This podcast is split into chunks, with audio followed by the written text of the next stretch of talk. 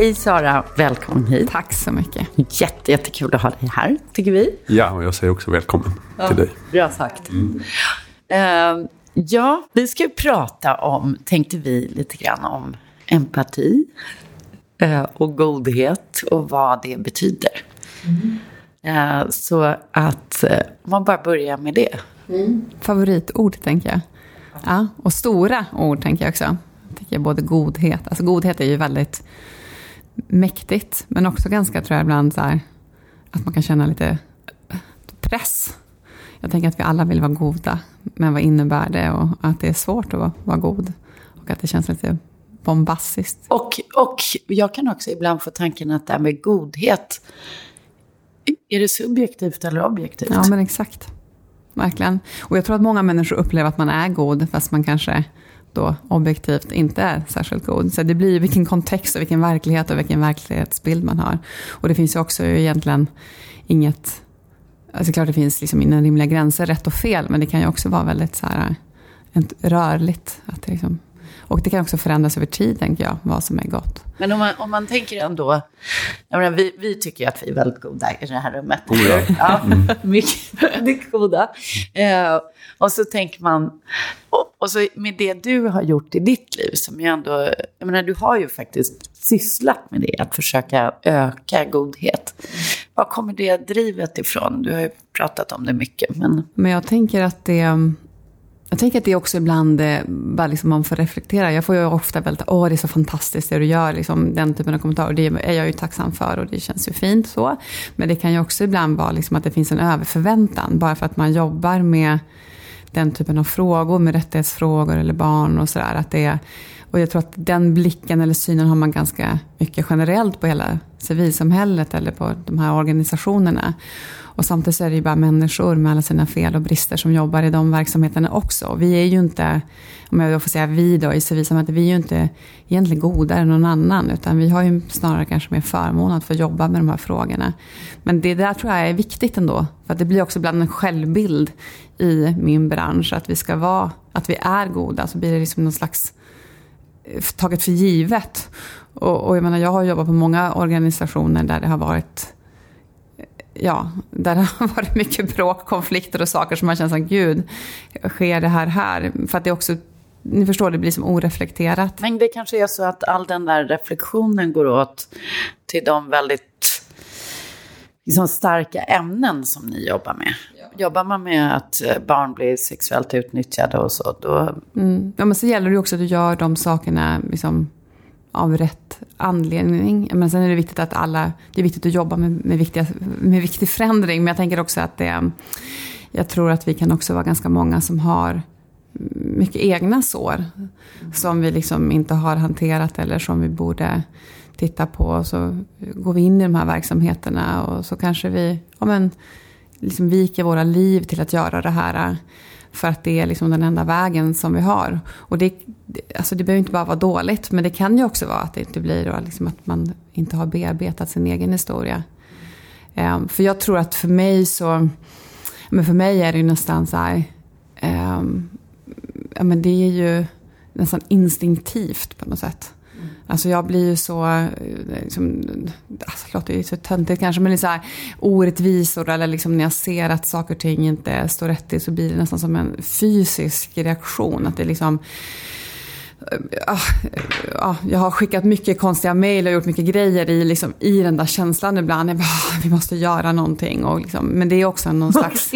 Ja, men då kan jag skicka mejl till så här, riksdagsledamöter. Eller nej, men, ja, men jag har gjort mycket sådana grejer i historien att jag liksom blir så här, men gud, är det här, du vet, det blir så starkt och det kommer liksom inifrån. Och att det måste jag måste göra någonting. Ja. Jag, jag tänker, du, du, sa förut det här med, du pratar om yttre bekräftelse och att andra säger åh vad bra saker du gör och du får applåder på galor och det är annat sånt. Och, och kanske ännu mer än vad, vad, man får i andra branscher. Mm. Men känner du dig, känner du dig ofta nöjd? Känner du att du gör tillräckligt mycket gott? Nej, alltså nej. Jag tror att det är liksom Alltså jag är ju väldigt, jag, jag är också, jag tycker att alla sånt, den där typen av så här, berättelse om att vi har en hjälte. Mm. Vi, vi, älskar ju den berättelsen i, i vårt samhälle och liksom media älskar den och, och sådär. Det är därför vi har alla de här jäkla priserna och listorna och allting i, i Sverige. Jag tror att vi är helt extrema när det kommer till de grejerna. Och att jag tänker alltid på att vi då, jag som har möjligheten att få bidra eller hjälpa en annan människa. Jag sitter ju alltid på makten. Alltså jag sitter ju där med min maktposition och har förmånen att hjälpa någon annan. Mm. Och att det där måste vi liksom, det där är så skevt. För att det är ju de som vågar, kan ta emot den här hjälpen. Det är de som, som är de riktiga hjältarna. Alltså jag vet inte, det kan bli så himla den där berättelsen är ju så sällan sann.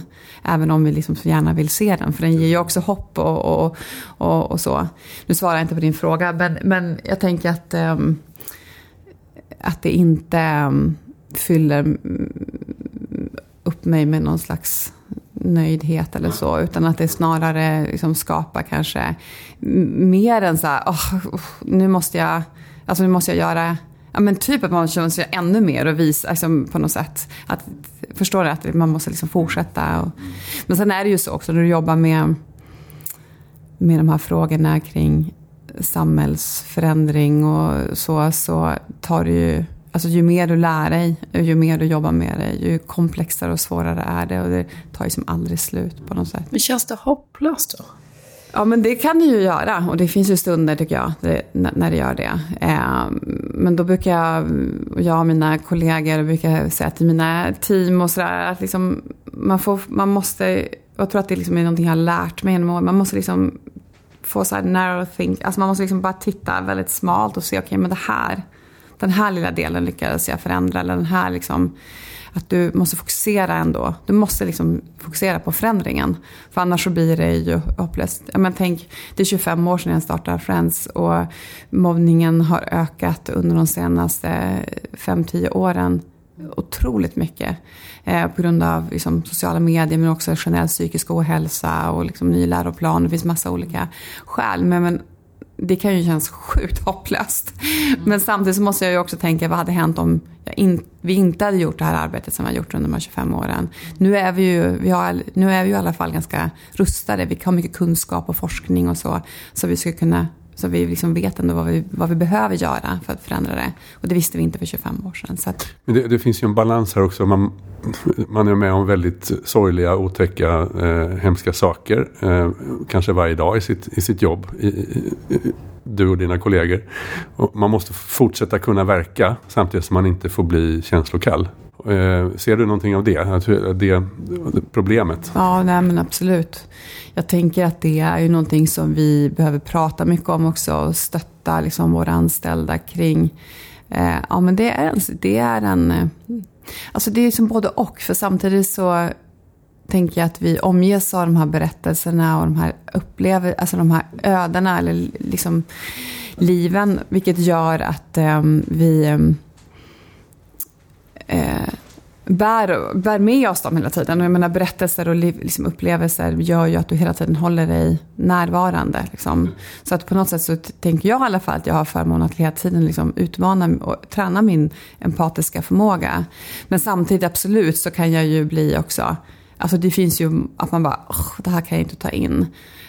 Um, och att det finns perioder i ens liv där man känner så här, nej men nu orkar jag inte ta in det här. Och då måste du förhålla dig till det på ett helt annat sätt. Hur gör man då? då? Nej, men du får fokusera liksom på uppgiften, tänker jag. Precis som man gör i alla andra jobb. Liksom. Att det liksom blir nästan som att det andra får bara vara runt omkring och du får fokusera på uppgiften. Nu ska vi lösa det här. Och, och menar, i min roll så kan det ju också vara väldigt mycket också så här, eh, bygga team, rekrytering, jobba med ledarskap. Alltså alla de här frågorna. Så att, då får man ju liksom titta, titta på det lite mer. Um, sen är det ju ändå så, men jag har ju jobbat med de här frågorna sedan jag liksom var 18-19 år. Jag vet ju ingenting annat heller. Mm. Så för mig är det ju också en del av, av min, um, ja, min vardag. Men samtidigt så är det ibland liksom saker som sker. Det kan vara små saker som triggar igång någonting. Som gör att man bara vill lägga sig typ i fosterställning och gråta. Mm. Eh, och då får man ju göra som alla gör när man typ inte vill gråta. Börja försöka tänka på lastbilar eller någonting annat. Liksom. Ja. Men, men och jag vet, jag har intervjuat väldigt mycket människor och, eh, och där, den vägen hört väldigt mycket öden och historier och så.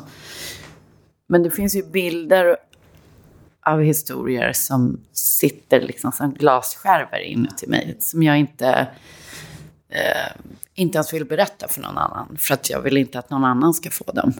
Hur, hur gör du med det? För du måste ju ha massa sådana. Mm. Men vissa sådana berättelser tänker jag är liksom en också källan till alltså till kraften också. Ibland kan jag också känna att jag återbesöker de berättelserna. För, det var, för att jag kan också ibland känna att jag har gett ett löfte. Att jag aldrig ska glömma. Liksom. Um, och att det blir um, nästan som att liksom man bär, om, bär omkring de rösterna. Och att det är det som gör att när man då kanske tappar kraft eller ork eller, liksom, eller också idéer. Och så, att man går tillbaka till dem. Um,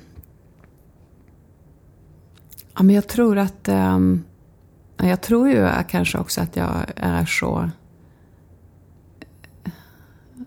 Ja, men att det liksom har varit en så stor del av mitt liv, alltid.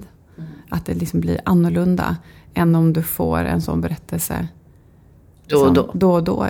Att det blir som en, att jag nästan är lite tränad i det också kanske. Men det är klart att det liksom, jag kan ju känna när det liksom upplevelser tangerar mina egna barn. Eller liksom, jag vet att det blir den här, att det liksom kliver in. Och jag kan ju också känna att jag får jobba jättemycket med att inte projicera på mina egna barn. Mm. Berättelser. Ja men liksom att, um, nej att barn blir så fruktansvärt utsatta i, i, i skolan eller liksom på nätet och sådär. Och så har jag två tjejer hemma. Och att det är klart att jag liksom, det går ju ganska snabbt att tänka hur fan ska de navigera i det här samhället och hur ska det här gå för dem? Och direkt om det händer någonting i skolan, man bara, vad var det här? Så blir man ju snabbt. Och då gäller det att inte heller liksom blåsa upp det eller liksom göra, ja, det tycker jag är svårt. Att, det är lättare att bara vara yrkesperson i de här andra människornas liv och liksom lära sig förhålla sig till det. Såklart som en människa men ändå liksom som än att liksom det blandas ihop med ens egna. Du, du, är, du är ju som du säger yrkesperson kring de här frågorna och du är också förälder. Det finns ju väldigt, väldigt många barn och unga som mår dåligt och du har beskrivit i din bok bland annat hur, hur det var för dig och, och många som har det liknande. Eh, hur kan man som förälder eller lärare eller, eller annan vuxen hjälpa de här barnen så att de mörka erfarenheterna faktiskt blir grunden för någonting bra. Man behöver ju få hjälp tänker jag att bearbeta sina sår. Liksom. Man, man, kan inte tro att, och det tycker jag också var liksom, i början väldigt mycket en förväntan om du var, ah, ah, många som hade varit mobbade blev superstarka. och så, det är ju ingenting som sker av sig själv. De flesta som har varit utsatta eller ensamma bär ju det, är ju så resten av livet.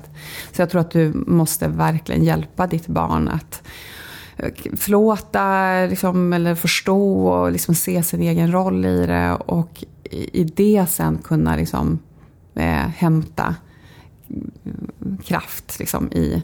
Men oftast så, det kan du kanske inte göra direkt utan du, det behöver nog gå tid. Du behöver liksom bygga upp dig själv och hitta tillbaka till dig själv och sådär.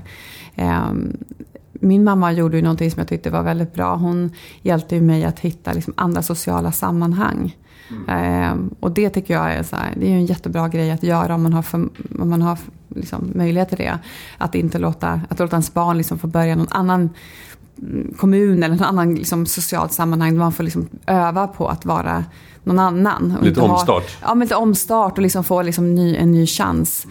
Um, sen så tror jag ju jättemycket på att det är så att har man själv upplevt utanförskap eller så, så kan det ju bli en en, en superkraft i liksom den här förmågan att känna in och liksom vara empatisk. Men du behöver ju göra en resa, tänker jag, innan du kan hämta, hämta kraft i det. Det är ingen quick fix Nej, det är ju verkligen ingen quick fix. Och det är liksom, jag tycker också det är ganska läskigt ibland att tänka så. För att, jag menar, de barn och unga som har varit utsatta. Jag menar, kan ju vara både suicida och liksom led, lida av liksom psykisk ohälsa resten av livet. Eller social fobi. Eller att man liksom inte har något förtroende för sig själv. Och att man bär med sig den här osäkerheten. Jag menar, även jag som har tränat och jobbat jättemycket med mig själv. Och var så, när jag startade Friends började jobba med mig själv. Jag, gick i terapi under hela den tiden i början och jag tror att det var eh, någon som någon sa, om du nu, nu ska ut och prata om det här med att vara mobbad och du har själv varit det så måste du få stöd. Mm. Och det har ju varit helt avgörande. Men trots det så kan jag ju också, jag har ju också den här känslan av att det liksom inte bärs inom mig att när jag känner mig utesluten eller inte inbjuden så jackar tag i någon sån avgrundsmörk känsla av att jag får inte vara med. Mm. Fast jag vet liksom att jag behöver egentligen bara ringa för att få hänga på. Men att det ändå liksom... Mm. Så att eh, jag tänker att den, den finns ju där. Mm. Du pratade om eh, det här med att jobba med sig själv och att som du säger, man bär med sig det. Men du pratade också om förlåtelse och att se sin egen del i det. Mm. Det där tror jag kan vara så ganska provocerande idag. Att här, se sin egen del av det. Om man, om man är ett offer, då har man ingen del i det.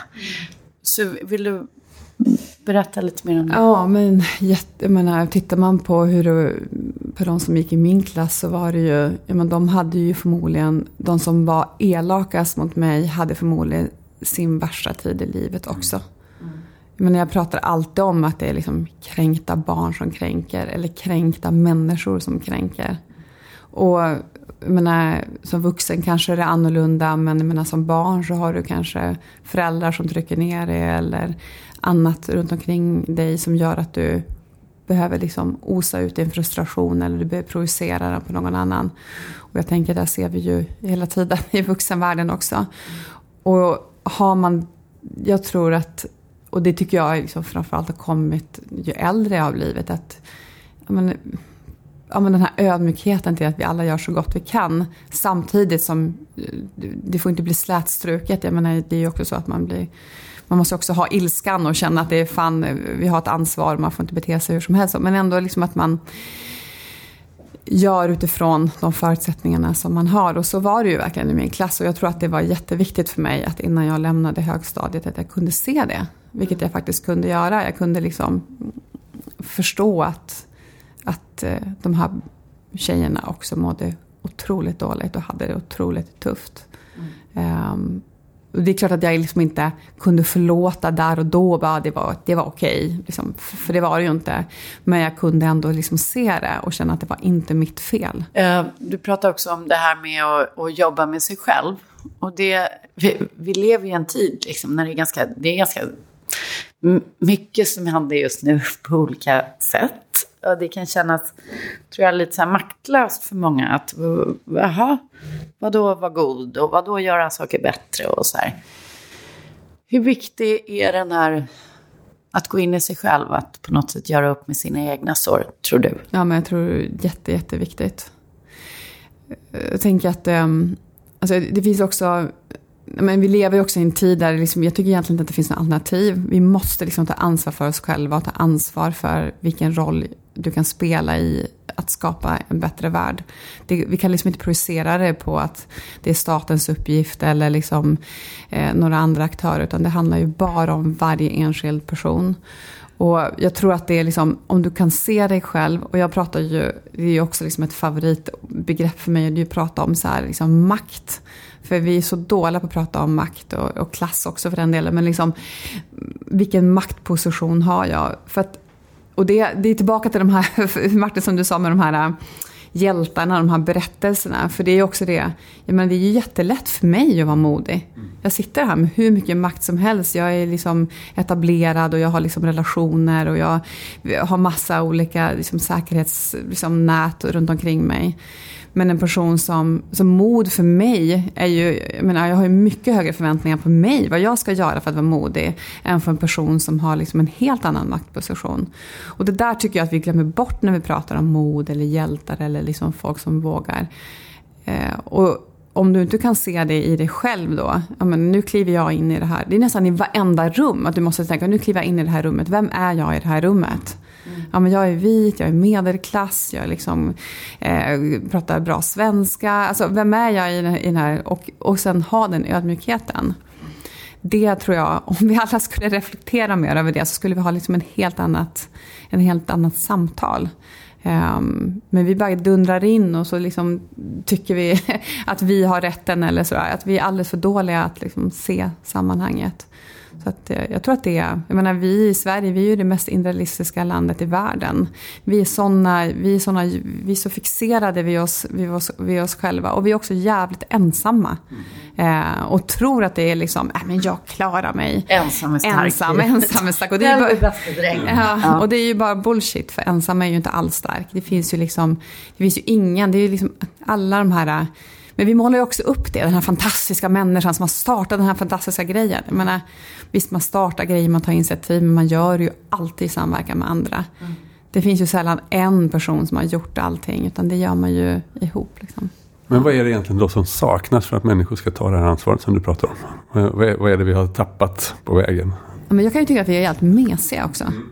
Att vi liksom är så jävla så här, äh, försiktiga och inte ska väl jag och sådär. Eh, jante, det är ja, men, jante ja, men jante, men också så här liksom att Alltså jag kan ju uppleva liksom hela tiden i att man, är så här, man bara stryker med hårt. Man vill inte förstöra stämningen, man vill inte vara liksom partykiller, man vill inte vara den som eh, opponerar. Men det är allt ifrån rasistiska, sexistiska liksom, saker som sker hela tiden. Att vi, liksom, vi måste vara lite mer, vi måste bara få lite mer styrka och eh, liksom säga men... Lite mer balls. Ja, exakt. Och liksom, men hur mår du egentligen? Eller hur, vad händer nu? Och, och sådär. Jag tycker att det är så man är i ett rum och man har ett möte och man känner direkt att nu är det skitdålig stämning, det var någonting som hände. Så är det så få personer som bara stannar upp och säger, men vänta nu, nu, nu hände någonting i det här rummet, vad var det för någonting? Mm. Utan då bara låtsas som att ingenting har skett och så bara fortsätter vi. Och så och märker vad gör vi att... Du då? Nej men jag, jag har ju liksom, men det är ju liksom, jag är ju hopplös. Jag är ju direkt så här, nej men nu händer någonting.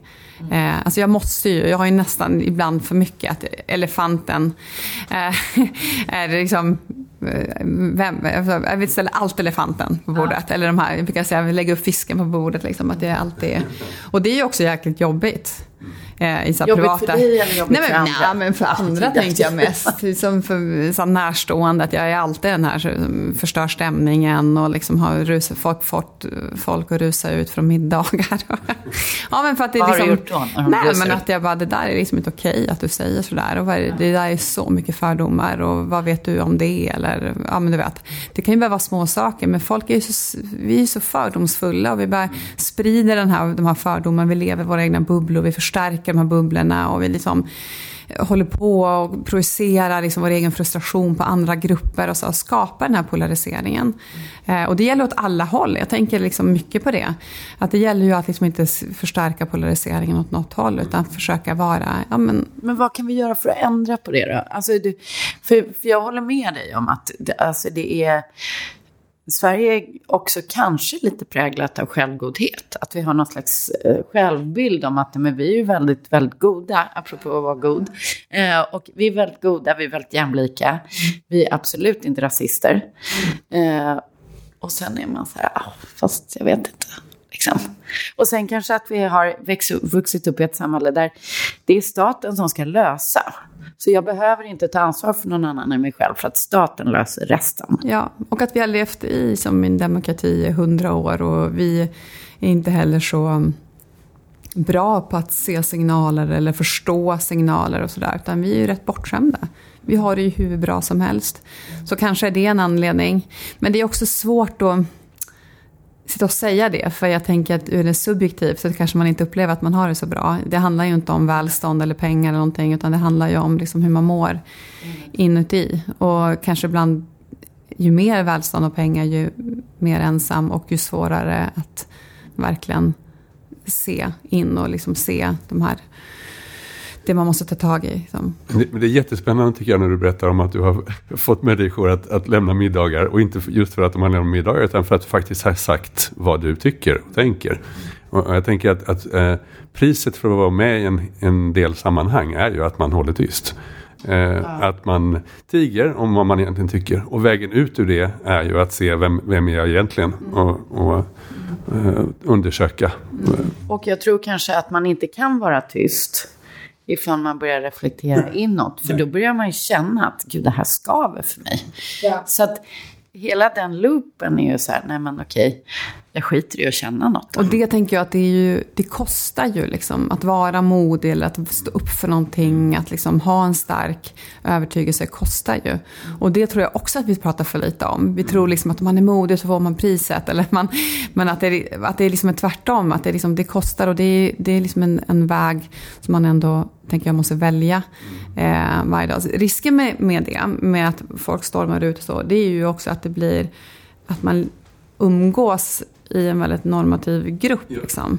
Så att det är ju också, jag tänker att det är ju inte bara, alltså det, jag tänker att vi, de här mediebubblorna, de har vi ju också privat, att vi lever i de här bubblorna. Och det tycker jag också är en sån sak, och det tänker jag själv på. Jag säger inte alls att jag är världsbäst på det, men att fundera på vilka, vilka umgås jag med? Mm. Alltså har jag bara människor omkring mig som förstärker min egen liksom, världsbild? Och det är ju verkligen ett så ställningstagande om du ska bjuda in andra människor eh, liksom in i din, i din vardag. För det tror jag också att eh, jag, menar, att jag kan känna ibland att, man, att jag, ja, men, jag gör så mycket bra grejer alltså, på jobbet och umgås och sådär. Men att jag liksom privat tänker att då är det någonting annat. Men så är det ju inte heller. utan jag tänker mig att titta på min adressbok, hur många människor har jag som är liksom inte födda i, i, i Sverige eller så. Att, det, att, det, vi, att vi är med och förstärker den här polariseringen genom hur vi, liksom, hur vi bjuder in. Mm. Samtidigt när jag lyssnar på dig, jag får också känslan av att du är väldigt hård mot dig själv. Alltså att du hela tiden liksom utmanar din egen så här... Eh, eftersom du, du vet ju mer än de flesta hur så här, du vill vara. Mm. Eller hur? Ja. Och då måste det bli väldigt eh, ändå hårt mot dig själv. Att så här... Jo, men jag är ganska hård mot mig själv. men jag jobbar mycket med skuld. Alltså jag är så skam och skuld. Det är liksom varit... Eh, folk brukar bli provocerande, provocerande när jag säger det. Men jag, för mig är skam och skuld också en drivkraft.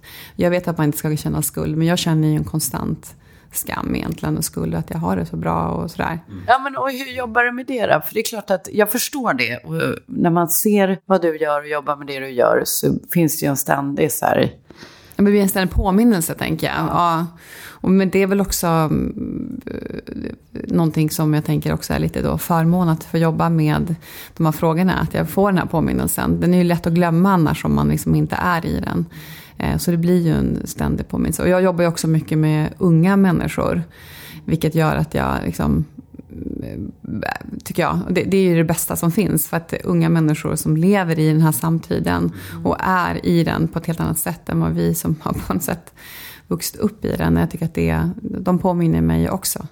Um, och sen så blir det ju så här, jag pratar alltid, tänker alltid på att jag, liksom, jag vill vara en röst åt de som inte har en egen röst. Och så där. Det, jag har på någon så här andlig take på det här med skuld. Det är ju att just omedveten skuld som man bär på leder till väldigt mycket ilska. Mm. Så att, så att det finns, det finns ja, rent energimässigt så blir man då väldigt, väldigt arg på dem som... När du säger omedveten skuld, vad, vad, hur menar du då? Ja, men det, det kan vara till exempel att om, eh, om man tar en... Eh, alltså att man... Eh, om du gör något jättesnällt mot mig. Mm. Eh, det händer ju mycket sällan, men i alla fall. Men vi tänker oss, vi, vi, vi, rent hypotetiskt, ponera att du skulle göra något jättesnällt mot mig. Mm. Eller så här, bjuda mig på massa, massa mat, mm. säger vi. Eh, och eh, jag eh, verbaliserar liksom inte att jag är tacksam för det här. Utan jag tar det, men sen blir jag skitarg på dig. Så att det, det finns en omedvetenhet i eh, givandet och tagandet. Och du tycker så här, oh jag är så god och god och bara ger och ger här. Mm. Så att du är lite arg på mig mm. för att jag inte är tacksam. Och jag är jävligt arg på dig för att du kräver att jag ska vara tacksam. Ah, okay. mm, jag förstår. Typ så. Så att det finns liksom en... Eh, och det är igen det här att man liksom inte pratar om det som är. Nej, exakt. Och då, då byggs det upp en kollektiv skuld på något sätt. Och tystnadskultur. Jag tänker att det är liksom den här pressande, alltså tystnadskulturen, det blir ju liksom att ingen bryter tystnaden, ingen går emot den här liksom grymma tystnaden. Och då cementeras den ju och fortsätter finnas kvar. Och så tänker jag, åren går och normerna blir ännu mer inristade. Och då blir det svårare och svårare att bryta mot dem. Liksom. Ja. Ja, och svårare och svårare att säga att jag hade fel. Ja, ja, exakt. För Eller jag borde gjort annorlunda. Ja, ja. Du har på, gjort någonting i 30 år. Men jag tänker liksom att, att vi behöver öva på det här. Vi kan liksom inte heller bara förvänta oss att alla människor uh, jag tänker att vi moraliskt oftast är överens och att vi känner att det är klart vi ska ta ansvar och vi ska bidra och vi ska stå för det som är rätt och sådär. Men vi måste öva på det. Men mod är ingenting man föds med, empati är ingenting man föds med. Utan det här är någonting som vi måste träna på varje dag, hela tiden. Och även liksom i vuxen ålder. Och då måste vi utsätta oss själva för övningar eller för, för berättelser eller eh, för situationer där vi får ställa oss i någon annans skor eller läsa om någon annans livsöde eller möta människor som inte är som en själv. Eller omge sig med personer som tänker annorlunda. För att vi ska få den här förmågan att växa. Och jag tror att ju mer du tränar på den, ju, ju modigare blir du i de här situationerna. Men att det är också, att man, precis som man går och tränar, går på gymmet eller någonting. Liksom att man känner att det, det, här är en färdighet. Och det är ju verkligen, jag, jag tänker att empati är en superkraft. Så även om du är VD på ett stort bolag så skulle jag kunna lova att den empatiska förmågan är den viktigaste kraften. För vad? För att? För att vara en bra ledare, för att driva ett framgångsrikt företag, att tjäna pengar. Mm. För att eh, det ger dig förmågan att förstå eh, dina kunder, dina anställda, förstå din egen roll. Du kommer gå in i rum med eh, leverantörer eller med liksom investerare och kunna fånga in rummet och förstå vilken typ av person ska jag vara här och hur, hur ska jag få de här människorna att få förtroende för mig. Så det blir ju liksom en, ja, en, super, en superkraft skulle jag säga som vi tror jag är för dåliga ja. att prata om och träna på. Och det, det, där kan jag verkligen se. Jag menar, i kravprofiler för 15-20 år sedan till vd-jobb och, och sånt, då fanns ju inte ordet empati eller lyhördhet med. Utan det var liksom mer tydlighet, pondus, uh, så. Actionorienterad. Action, ja. Mm. mm. Drive. Uh, och idag är ju väldigt mycket ord som grundad, lyhörd, förmåga att förstå andra människor. Det börjar ju bli absolut viktigare och viktigare. Och det är nog så i och med att det går så fort idag. Mm. Så du, du kan inte göra allt själv. Du kan inte vara den där superledaren. Utan du måste vara duktig på att få ett lag att fungera. Men samtidigt så tycker jag att vi saknar vi bra ledare. Ja, men vi saknar, ja. men jag, ja, tänker, jag tycker också vi saknar, liksom, om man tänker titta tillbaka då, så kanske inte det var kravprofiler, men man kan ju ändå se näringslivsprofiler i historien som verkligen har ställt sig på barrikaden och stått upp för värderingsfrågor. Mm. Och på något, liksom, tycker jag, kanske liksom stått upp för någonting väldigt specifikt men som har gjort stor impact för just den frågan i den tiden. Nu så upplever jag att man är väldigt rädd. Man är rädd att stå upp för någonting för att det alltid är så minerat och politiskt. Och att det är polariserat. Liksom, och polariserat och hela den här cancel culture. Liksom man är rädd att säga någonting så kommer det här liksom vara emot mig sen och, och sådär. Så att jag tror att vi är medvetna om att vi behöver de här modiga ledare. Men samtidigt så är det väldigt svårt också att vara modig.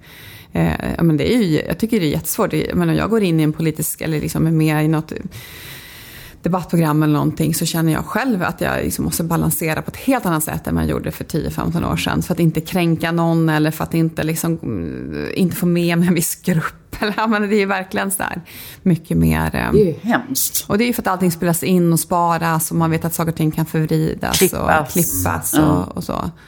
Missförstås och... Eh, och, jag känner så, som ändå liksom är tränad i alla de här värderingsfrågorna. Hur känner man då inte om man jobbar med helt andra grejer. Och så plötsligt hamnar man i en värderingsdilemma. Ja. ja. och så känner jag så här, det här känns inte bra i magen. Men jag har inte orden, jag vet inte hur jag ska hur jag ska liksom, och det är synd, för jag tänker att det finns så många personer som skulle kunna agera kraftigare och tydligare. Mm. Och göra stor, stor skillnad. Mm. Men hur kan man, om man sitter och lyssnar på det här och så tänker man så här, men jag vill också vara mer empatisk och, och modig.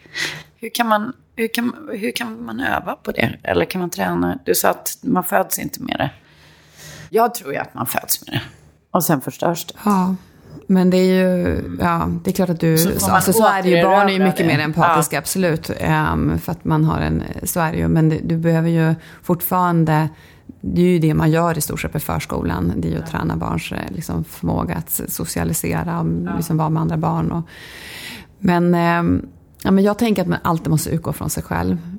Alltså jag tror att man alltid måste hitta den inuti sig själv. Och, och att jag menar, alla har, vi, alla har vi våra erfarenheter och våra sår. Liksom, och faktiskt hitta i sig själv, men vad är det jag tycker är viktigt?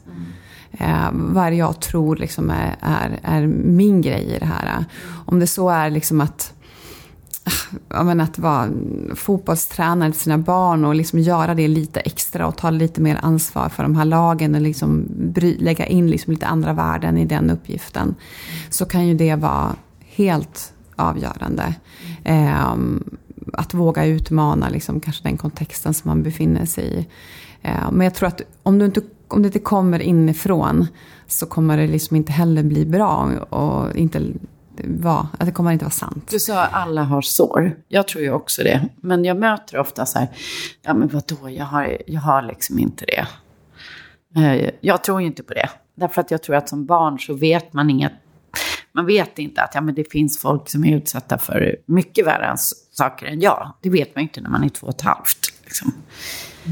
Eh, och varför tror du det är så viktigt? För jag, jag håller ju med dig, men varför tror du att det är så viktigt att hitta roten till de där såren? Men jag tror ändå att det är det som, jag menar, om vi nu pratar om empati så tänker jag att det är där det är där du kan verkligen hitta din empatiska förmåga. Om du själv har varit utsatt för någonting eller om du... Eh, men du kan ju också, det behöver inte vara, du kan också känna en rädsla för någonting eller det är någonting som du själv tycker är tufft och jobbigt. Då kan du använda det till att se, okej, hur det finns fler som mig eller det finns andra så- som, som mig. Ehm, och är det så att du inte upplever att du har några sår så tänker jag att du kanske tycker att det är tufft att vara mamma. Alltså du känner den här rollen den är så svår och du dagligen kanske hamnar i dilemman och tycker att det är tufft. Då kan du ju utforska där, där du känner att, att det är din egen sårbarhet, tänker jag. Att det är bara i din egen sårbarhet som du kan uppleva eh, eller se kanske andras liksom, sårbarhet. Och det är någonstans här, tänker jag, att du ändå jobbar med din, med din förmåga att vara empatisk. Så att utforska sin egen, sina egna skav. Ja, sina egna skav. Och kan man inte blicka bakåt tänker jag att man ändå har någon slags skav i sin vardag som man kan börja i. Eller engagemang kan det vara också. Det kan ju också vara, tänker jag, om man tänker så här vad kan jag göra om jag vill engagera mig? Det är ju många som frågar mig. Och då tänker jag, men okej, men vad, vad tycker du, liksom, vad brinner du för själv? Vad är din, liksom, vad tycker du är viktigt? Och sen börja, börja där. Eller liksom där man står. Men om jag är jätteduktig på, jag kommer ihåg jag var ja, en, en kvinna som var, liksom, jobbade som så här sminkös och hon var, men jag var jätteengagerad mig, vad kan jag göra? Ja, men eh, utgå från det som hon har, hennes skillset och färdigheter. Och då identifierade hon några liksom organisationer som hon tyckte var viktiga. Och så bjöd hon in, men det är ju, vi är ju väldigt många kvinnor som jobbar i de här organisationerna. Så då bjöd hon in dem hem liksom till sig själv och liksom gav massa smink. Och, alltså, jag menar, jag tänker att det, det, det kan ju vara jätte, alltså det var ju jättefint för de här kvinnorna som fick komma på det. Och betydde jättemycket för dem. För att i, det var aldrig någonting som de fick vara med om eller liksom uppleva eller så. Utan det var bara men de jobbade i socialtjänsten och sådär. Så att, och det var superlyxigt och hon hade liksom massa giveaways. Ja, men, så jag tänker att där du står själv och det du har. Eh, och när jag jobbade mycket med liksom, Kinnevikbolagen så var ju det hela idén att de använde sina, sin expertis och gav den liksom, till civilsamhället. Mm. Och sen kunde man snabbt se vilken effekt det kunde ge. Istället för att vi sitter liksom, jag, menar, jag tycker det är så illustrativt, men på julafton så vill ju alla liksom stå och dela ut mat till hemlösa. Och jag tror att den där kön är så här, till Stadsmissionen är så flera år lång för att alla vill göra det. Och det, jag kan förstå att det känns som en fin grej att gå och göra innan man själv sätter sig och äter. Men det blir också lite så här skevt. Det är klart att det behövs människor som gör det, men det är liksom, du har så mycket annat som du kan ge. Ja, och det finns många andra dagar på Och det finns också väldigt många andra dagar på året såklart. Ja. Och, men sen kan man ju också vara så här schysst mot sig själv, men jag gör det här för min skull. Och det tycker jag också är en så här, eh, apropå det här med makt. Ja, men jag vill stå här. För det får mig att må bra. Ja, och det är väl också fine. Men då ska du ju också vara medveten om att du gör det här för din egen skull. Du gör det ju inte för de människor som serverar mat. Jag menar, utan det här är en helt och hållet egohandling. Och det är ju liksom hela den här äh, volontärturismen som är ju vidrig. Liksom. Mm. Det är klart att du kan åka om du är på en semester. Vadå vidrig? Berätta. Jag vet inte. Ja, men volontärturism, det är ju att du kanske då åker och det finns ju liksom, det finns ju sådana arrangerade resor. Kanske åker till ett barnhem då i Kambodja eller någonting och så spelar du fotboll under en dag tillsammans med barnen på det barnhemmet. Och det är ju liksom ja, jag menar, det, det säger sig själv. Det är ju, liksom, det är ju ganska, då har man inte mycket till analys. För att, vad, vad händer med de här barnen som bor på barnhem? Det enda de behöver det är ju tillitsfulla och långsiktiga relationer. relationer ja. För det är det de saknar. Och så kommer in någon och spelar fotboll Och vad tror du händer ja. när du kommer då in och spelar fotboll? Alltså, eh, det är ju hemskt. Men jag tror att väldigt många människor inte förstår det. Utan man tänker att jag behöver uppleva, jag kanske vill ta mina barn till det här. För att visa mina barn att så här kan man också ha det. Men då tar du inte ansvar. Liksom. Utan då har du också ett väldigt centrerat mm. synsätt som inte tar ansvar för helheten. Liksom. Och det finns ju många sådana exempel. Det, om, du, om man är i exempelvis i länder där det finns barnhem kan det till och med finnas så att det står utanför öppettider för offentligheten då, mellan vissa tider. Oj. Eh, för att man då, då ska kunna... man får komma in och titta på. Mm. Oh, fy. Men all, allt det du berättar nu tyder ju på det som vi kanske redan vet och som vi redan har pratat om. Nämligen att ska man, ska man göra gott så måste det komma inifrån en själv. Och inte utifrån eh, vad andra tycker. Och, eh... Sociala medier. Och, och jag tycker liksom att vara vara ärlig med de här olika grejerna. Det är klart att liksom ja, att vi kan göra saker. Alltså, vi gör ju saker hela tiden för oss själva. Men att vara ärlig med vad, vad som är vad liksom, i det. Eh, och sen tycker jag också den här, eh, jag menar, som jag redan har sagt, men jag tycker att den är så viktig. Att den personen som sitter i givandets roll, oavsett i vilket sammanhang, är den som har makten. Och att den som faktiskt öppnar upp och tar emot är den som är den stora hjälten och den som verkligen är modig. Mm. Och det där tycker jag vi glömmer bort. Det glömmer vi ofta bort i min sektor också. Liksom att vi eh, målar upp oss själva som... Jag menar, det är ju superlyxigt att få ge. Liksom. Mm, verkligen. Mm. Jag tänker om det är någon som sitter och lyssnar här och då mot förmodan inte har läst din bok eller vet vem du är. Om du bara berättar liksom, bara några minuter. Vad så här, din livsresa. Nej, men jag tänker att jag är, är entreprenör. Men att jag är social entreprenör. Ehm, och att det innebär att jag eh, har ett väldigt entreprenöriellt arbetssätt. Men att jag identifierar utmaningar i samhället. Och att jag liksom försöker gå in med lösningar där det inte finns andra lösningar. Ehm, eller att det finns andra lösningar men som inte är tillräckliga. Som jag försöker utmana eller sammanfoga. Ehm, och att jag började med det redan när jag var väldigt ung. Jag startade Friends när jag var 19 år. Och det har såklart präglat allt. För att i och med att jag var så ung och jag startade den här, stor, den här organisationen så lärde jag ju mig ändå i tidigt skede att en röst gör skillnad. Och att det går att förändra saker som är system eller samhälle eller värderingar och så. Och det har vi verkligen gjort. Eh, och jag har gjort genom det här arbetet med Friends. Vi har liksom förändrat lagar och förmågor och förståelse för hela den här problematiken. Ehm, och sen så älskar jag ju att jobba i alla sektorer. Så att jag har jobbat mycket eh, med, inte minst med näringslivet och människor som sitter på kapital och makt och har liksom andra positioner. Att pusha dem att ta mer ansvar och delta liksom i arbetet ehm, för, för barn och unga då, vilket är mina frågor. Och jag tycker att det finns många, jag menar vi har på Friends, jag började, jobbade, liksom började jobba med Swedbank redan de första åren. Och det har ju varit en jätte, de har ju varit med i 20 år nu i, i Friends historia, nästan från början. Och det är unikt och det är också väldigt, tycker jag, fint där man kan visa på hur ett, sånt, ett bolag kan gå in och liksom bidra till att göra en sån här förflyttning. Med såklart kapital och kontaktnät men också med liksom en annan typ av skillset som såklart har gett Friends, andra typer av skillset. Sen har jag startat flera organisationer då. Eh, Child 10 som jobbar mot trafficking och kommersiell sexuell exploatering.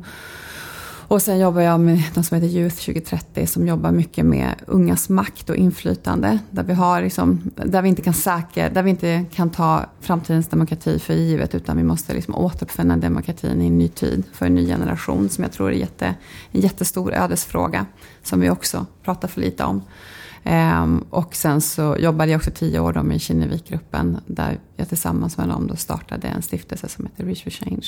Som investerar i sociala entreprenörer då i, runt om i världen i 18 länder. Och när du pratar om den här, liksom det skedet vi är i nu med liksom polarisering, vi har, ja men det, det, det är mycket helt enkelt. Om du skulle kunna säga några saker som du tror skulle kunna göra stor, skill- stor positiv skillnad, mm. vad skulle det vara?